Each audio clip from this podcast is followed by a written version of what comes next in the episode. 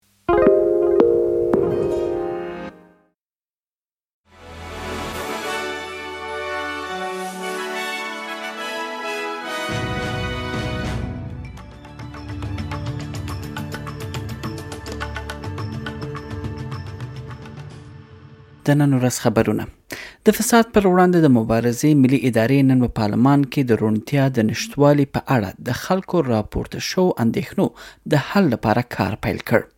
د ادارې فساد سره د مبارزې ملي کمیسون چې د ان ای ای سی په نوم یادېږي مشري پاول برټن کوي نوموړی هغه شخص دی چې په افغانستان کې د استرالیا د ځانګړو ځوانکونو لخوا د جګړې په ډګر کې د جنایي جرمونو چلن په اړه د تیرو تحقیقاتو مشري هم کوي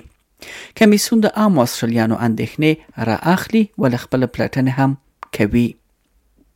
فدرالي حکومت یو نوې ډله په کار ګمارل ده تر څو په استرالیا کې جالکارانو پر ضد مبارزه وکړي استرالیا کې هر کال خلک میلیارډونه ډالر د جالکارانو لخوا له تاوان سره مخ کیږي حکومت وایي نوې ګمارل شوې ډله به د جالکارۍ پیښې ډېرې راټیټې کړي بلخوا په زرګونه خلک په ټول استرالیا کې لاریونونو ته راوتلي ترڅو پارلمان ته د بومي استرالیانو غږ شاملولو د غږ ملاتړ وکړي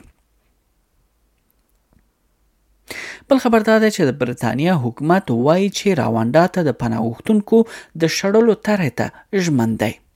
دا خبر له هغه وروسته راځي چې په یاد هیواد کې محکمې د بریتانیا حکومت دا عمل غیر قانوني اعلان کړ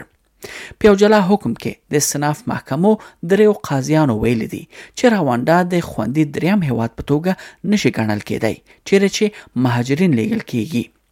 د بریتانیا حکومت هڅه کوي مهاجرین د خوندیتوب په لټه کې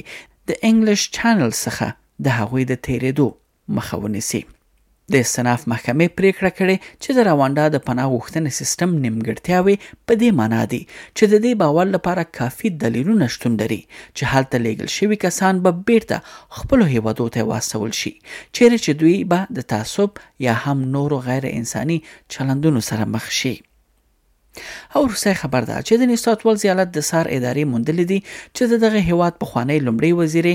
په داسې حال کې چې د لیبرال له بدنامه پارلمان غړي سره یې 15 کاله پټې اړیکې درلودې نوموړې تورنه شوې ده چې په فساد کې لاس درلود